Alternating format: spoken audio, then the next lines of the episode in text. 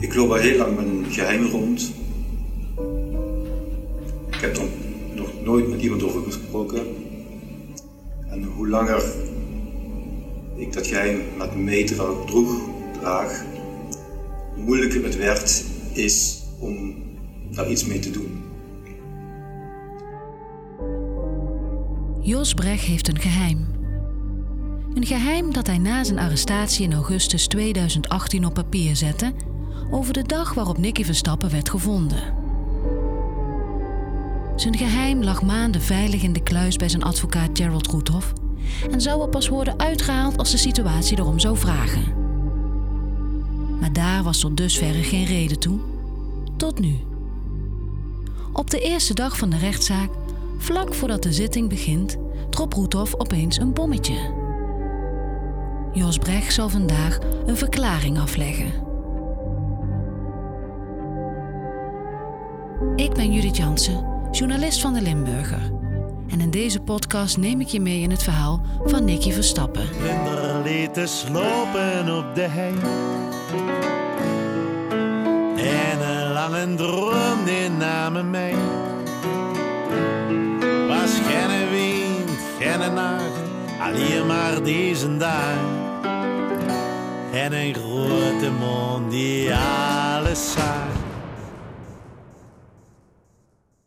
Aflevering 7. De rechtszaak. Het is even na negenen als de familie Verstappen aankomt bij de rechtbank van Maastricht. Het is maandag 28 september 2020, 22 jaar nadat de 11-jarige Nicky dood werd gevonden op de Brunsumer Heide. Een dag die al maandenlang rood omcirkeld staat in de agenda's van de nabestaanden. Vandaag begint de inhoudelijke behandeling van het proces, dat in totaal zeven dagen gaat duren. Jos Brecht wordt verdacht van het ontvoeren, misbruiken en doden van Nicky. Heel Nederland kijkt mee. De zaak sleept al jaren voort en tot op de dag van vandaag is het onduidelijk hoe de laatste uren van het jongetje eruit hebben gezien.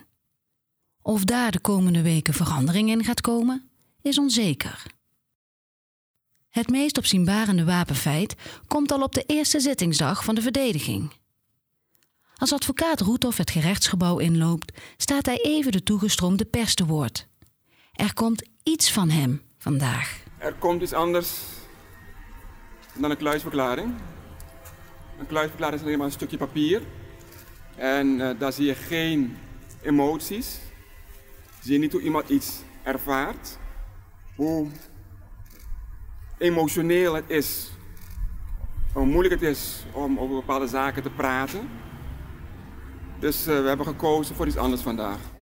Jos Brecht, de zwijgzame hoofdverdachte, gaat tekst en uitleg geven. Niet live in de rechtszaal, maar via een opgenomen videoboodschap gebaseerd op de verklaring die al zo lang in de kluis ligt. De troefkaart. Al tempert advocaat Roethoff vooraf wel de verwachtingen. Het is een hele moeilijke tijd voor cliënt geweest, maar hij zal in ieder geval iets vandaag duidelijk gaan maken. Brecht zal dus iets duidelijk maken. Maar hij zal geen antwoord geven op alle vragen die de ouders van Nicky hebben. Zijn cliënt heeft het jongetje niet ontvoerd, niet misbruikt en niet gedood, zo maakt de strafpleiter alvast duidelijk. Dan snelt hij richting de zittingszaal. Het proces speelt zich af tegen het decor van de coronacrisis dat Nederland en de wereld nog steeds in haar greep houdt. En dus heeft de rechtbank maatregelen genomen. Journalisten krijgen maar beperkt toegang. Iedereen moet op anderhalve meter afstand blijven van de ander. En in de rechtszaal zijn schermen geplaatst van plexiglas. Rond kwart voor tien komen de rechters binnen. De rechtbankvoorzitter heet de familie Verstappen welkom. Jos Brecht wordt binnengevoerd en gaat voorover gebogen naast zijn raadsman zitten. Nadat officier van justitie Dave Matthijs de aanklachten heeft voorgelezen, krijgt Brecht het woord. Hij verwijst naar een ingesproken verklaring die op band staat. Die zal dadelijk, als alles technisch geregeld is, op alle schermen worden afgespeeld. De nabestaanden houden hun adem in. Dan verschijnt Jos Brecht op het scherm. Hij kijkt recht de camera in. Ik loop al heel lang met een geheim rond. Ik heb er nog nooit met iemand over gesproken. Jos Brecht heeft al die jaren met een geheim rondgelopen waar hij nog nooit met iemand over heeft gesproken. Tot vandaag. Maar hij wil eerst iets over zichzelf vertellen. Ik ben niet zo'n prater, zeker niet onder druk. Ik ben introvert. Ik praat niet zo graag over mezelf. Ik was heel erg geschokt over de arrestatie in Spanje. Hoe je geweren, vervoer. Brecht is emotioneel. Over het vervoer naar Nederland, het verhoor met de camera, de screening, de isoleercel van de zwaar beveiligde gevangenis in Vught. Hij lijkt te breken. Camera's op je cel en in de douche. En daar zit je dan. De spanning in de rechtszaal is om te snijden. Het is muisstil. Dit is het moment waarop iedereen zo lang heeft gewacht. Ik heb dus nu besloten om wel te gaan verklaren. Komt er dan nu eindelijk duidelijkheid over de laatste uren van Nicky? Over wat er in de zomer van 1998 is gebeurd? Hebben de paden van Brecht en Nicky elkaar gekruist? En dan begint Brecht te praten. Het was een mooie zomer in 98. Ik was er iedere dag op uit. De natuur in, genieten van de dag. Zo ook die dag. Aan de bosrand ben ik gestopt voor een kleine boodschap. En mijn aandacht werd getrokken door iets, iets in de verte. Nieuwsgierig als ik ben, ben ik daar naartoe gegaan om te kijken wat dat wel zou kunnen zijn. Toen ik dichterbij kwam, zag ik iets liggen. Een persoon. Brecht zag een kind liggen. Hij checkte zijn hartslag door zijn oor op de borst te leggen en constateerde dat hij overleden was. Ik heb hem aangeraakt, ook de kleding. Hij was overleden. Ik weet niet hoe lang ik heb gezeten op die plek. Wist niet meer wat ik moest doen. Brecht raakte in paniek. Wat moest hij doen? Een melding maken bij de politie? Met zijn zedenverleden? Hij legde het lichaam recht, fatsoeneerde Nicky's kleren en spoedde zich naar huis. Ik ben zo snel mogelijk van die plek weggegaan. Terug naar huis. Ik heb met niemand erover gesproken. Uren daarna hij gaan fietsen om na te denken, aldus Brecht. Hij had post meegenomen van de scouting, zodat hij wat te doen had. Uiteindelijk besloot hij, na lang twijfelen, om de vondst toch maar met de politie te delen. Hij fietste de hei op om aan de zoekploeg de plek aan te wijzen, maar hij was te laat. Nicky was al gevonden. De noodzaak om te melden dat ik hem ook gevonden had, was er niet meer. Ik heb niets gezegd.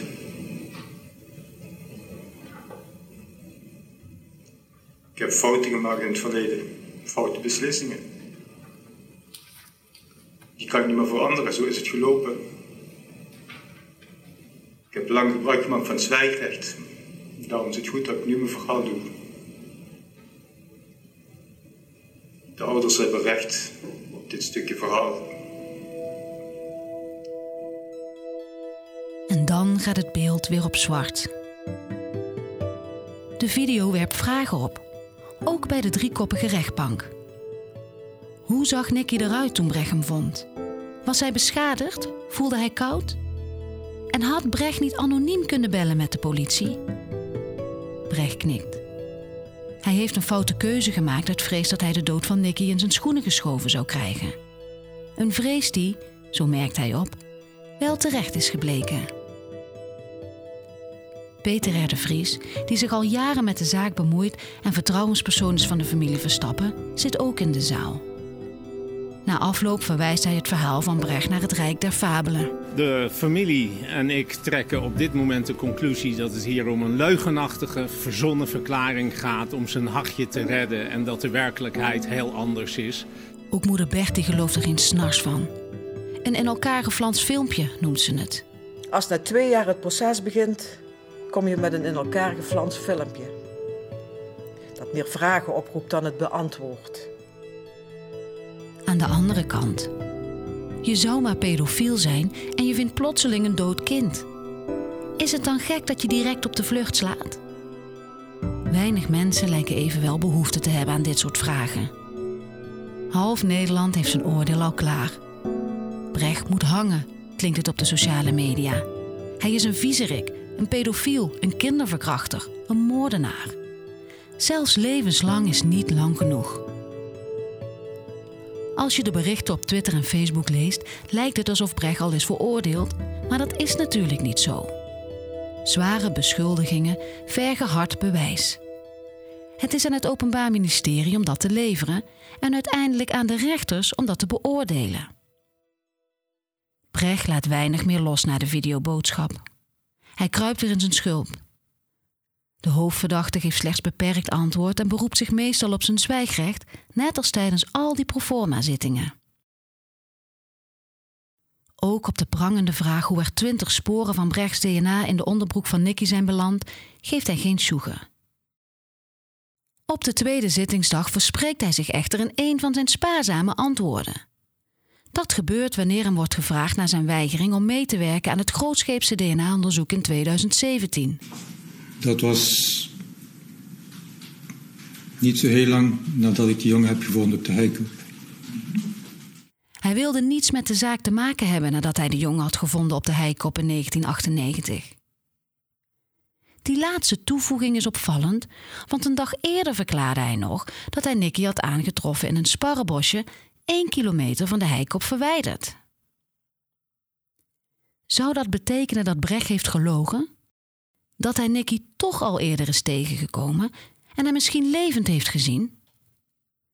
Het OM wil opheldering, maar Brecht reageert ontwijkend. Hij was op de heide, is alles wat hij kwijt wil. Brecht heeft het sowieso zwaar op de tweede zittingsdag. Zijn zedenverleden wordt opgerakeld. Justitie behandelt uitgebreide incidenten uit de jaren tachtig. Hoe hij jongetjes betastte die verstoppertjes speelden in het bos in Wijnandsrade. Hoe hij ontucht probeerde te plegen met een kind dat aan het vliegeren was in het IJzerbos.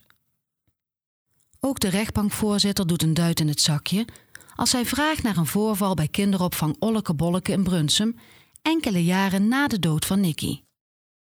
Brecht, die daar in die periode werkt, krijgt een klacht van een moeder van wie de dochter beweert dat Brecht met zijn handen tussen haar benen heeft gezeten. Hij wacht het gesprek met de leiding van de kinderopvang niet af en vertrekt naar Polen. Waarom ging hij daar plotseling naartoe, wil de rechtbank weten. Maar antwoorden krijgt ze niet. De verdachte blijft zwijgen. Het doet zijn toch al gedeukte imago geen goed. Het beeld dat na de tweede procesdag van Jos Brecht blijft hangen, is dat van een leugenachtige pedoseksueel die op de vlucht slaat als het hem te heet onder de voeten wordt. Een man bij wie je je kind liever niet achterlaat. Voor de nabestaanden staat de dader vast. Die zit voor hen in het verdachtebankje. In de slachtofferverklaringen van moeder Bertie, zus Femke en een tante van Nicky wordt hij afgeschilderd als een monster de intense afschuw druipt er vanaf. Moeder Bertie, die de afgelopen jaren tevergeefs oproep na oproep aan de dader deed om zich te melden. En nu staat ze oog in oog met de hoofdverdachte. Haar betoog is emotioneel. 22 jaar, 8 weken en 3 dagen geleden is ons leven compleet kapot gemaakt. Wij weten dit zo tot op de dag nauwkeurig omdat er sinds 10 augustus 1998 geen dag voorbij is gegaan zonder pijn. Ze heeft de dagen geteld dat ze Nicky niet meer zag. Dat ze hem niet meer in haar armen kon vasthouden. Elke dag stak ze een kaarsje op bij een foto van Nicky. Ook vandaag. Bertie kijkt Brecht recht in zijn ogen aan. Onze Nick was kansloos tegenover een roofdier dat op jacht was naar een prooi. Het was voor ons een onmenselijke beproeving om hier in de rechtszaal op twee meter afstand van jou te zitten. Het was de wens van de familie om tijdens het voorlezen van de slachtofferverklaringen de hoofdverdachte aan te kunnen kijken. De rechtbank komt aan die ongebruikelijke wens tegemoet. Iets dat veel wenkbrauwen doet fronsen in de wereld van het strafrecht. Natuurlijk, De rechtbank zou de publieke opinie over zich heen krijgen als ze het verzoek van de familie had geweigerd. Maar sommigen zien het als toegeven aan de slachtoffers, terwijl de verdediging niet eens echt op de zaak is in kunnen gaan. Zus Femke spreekt Brecht vol opgekropte woede toe, vechtend tegen haar tranen. Met het overlijden van haar broer verdween ook het plezier uit haar leven, zegt ze. Op 10 augustus 1998, ik was toen zeven jaar, stopte ineens mijn jeugd. Of liever gezegd, ons leven. Ik was nog jong, maar ik wist dat vanaf dat moment nooit niets meer hetzelfde zou zijn. Ik had geen broertje meer. Feestdagen en vakanties werden niet meer gevierd. Kerst sloegen ze over. Haar ouders werden verteerd door verdriet. Het leven dat ze nu leiden, met een lange ei, wijdt Femke aan Brecht. In haar ogen de moordenaar van haar broer. Zolang jij hier in de rechtbank niet wil uitleggen waar al jouw DNA op het lichaam en kleding van Nicky komt, ben jij voor ons de moordenaar. De harde woorden lijken Brecht te raken. Hij zegt de pijn en het verdriet van de familie Verstappen te snappen. Nou, ik wil er nog aan toevoegen dat het me heel erg spijt dat ik er zo lang mee heb gewacht met een verklaring afleg. Misschien had hij wel eerder een verklaring moeten afleggen, zegt hij. Dan had hij de nabestaanden niet zo lang in onzekerheid gelaten. Maar Brecht blijft erbij. Hij is onschuldig. Justitie denkt daar overduidelijk anders over. Nee, de onderste steen is inderdaad niet naar boven gekomen, geeft officier van justitie Paul Emmer onomwonden toe in de opmaat naar de strafeis. De laatste uren van Nicky Verstappen zijn niet te reconstrueren. Maar op basis van de feiten die er wel liggen, kun je wel degelijk conclusies trekken, vindt justitie. Ze pelt alle mogelijkheden af. Uitdroging, een hartritmestoornis, zelfmoord, ze zijn allemaal uitgesloten. Uiteindelijk blijft er een levensdelict over. Justitie is er ook van overtuigd dat Nicky is verkracht. En het kan niet anders dan dat Jos Brecht dat heeft gedaan, is de overtuiging van het OM. We concluderen derhalve dat de DNA-sporen van verdachte Brecht dadersporen zijn. De plaatsen waar zijn DNA is aangetroffen, vooral op de tailleband en de binnenzijde van het kruisgedeelte van de onder de pyjamabroek van Nicky zittende, eh, onder de pyjamabroek van Nicky zittende onderbroek, zijn bewijzend voor een zedendelict. Daar komt bij dat Jos Brecht een zedenverleden heeft en op jongetjes valt. Het feit dat Jos Brecht plotseling verdween nadat het grote DNA-onderzoek was aangekondigd, is ook geen toevalligheid in de ogen van de officieren van justitie. Ergo, Jos Brecht heeft Nicky Verstappen ontvoerd, verkracht en gedood. En daar past een navenante straf bij, vindt het OM. Als het aan de aanklagers ligt, krijgt Brecht 15 jaar cel plus TBS met dwangverpleging. Mocht de rechtbank besluiten dat TBS niet nodig is, wil justitie dat hij 18 jaar achter de tralies verdwijnt. Alles overziende vinden wij, zoals we al aangaven, dat de maatregel van TBS met dwangverpleging, maar daarnaast ook de gevangenisstraf van 15 jaren met aftrek van voorhuis passend en geboden is. Het is een eis waarmee de familie Verstappen goed kan leven. Advocaat Roethoff is het daar niet mee eens. Hij rept van een irreële eis. In zijn pleidooi haalt hij aan dat niet eens is aangetoond dat er überhaupt sprake is van de te laste gelegde misdrijven. En als er geen strafbaar feit is gepleegd, is er ook geen zaak. De kurk waar de strafeis van het OM op drijft, is de aanwezigheid van Brechts DNA op Nicky's kleding en lichaam. Volgens justitie kan dat daar alleen zijn beland als Brecht in zijn onderbroek heeft gegrepen. Roethoff bestrijdt dat. Vocht uit het lichaam of de koeling waar het lichaam in werd bewaard kan bijvoorbeeld in de kleding trekken en DNA-sporen meeslepen. Het DNA-bewijs is dus flinterdun, stelt Roethoff. En de rest is slechts steunbewijs of beeldvorming. Een reactie op de strafeis van 15 jaar cel geeft hij uit principe niet. Er is namelijk geen zaak herhaalt hij nog maar eens. Is er een levensdelict gepleegd? Niet vast te stellen.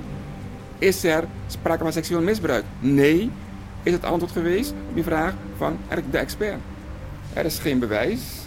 Ik heb sinds de lagere school geleerd: 0 plus 0 plus 0 blijft 0. Dus is er in zijn ogen maar één optie: vrijspraak.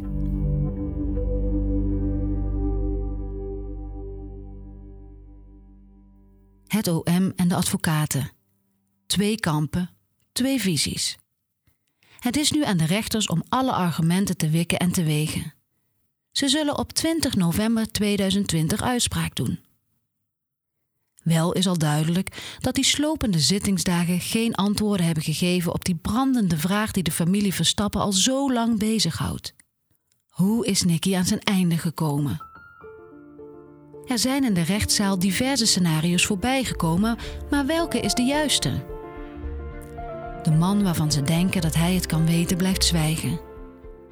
Zelfs als hij veroordeeld zou worden, blijven er vraagtekens boven de dood van hun zoontje zweven.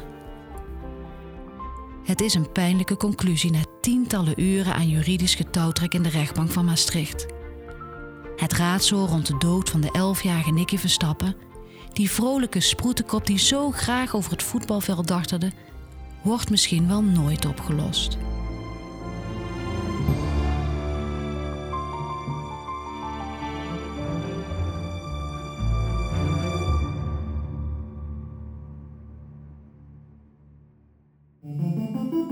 Je luisterde naar het verhaal van Nicky Verstappen, een podcast van de Limburger.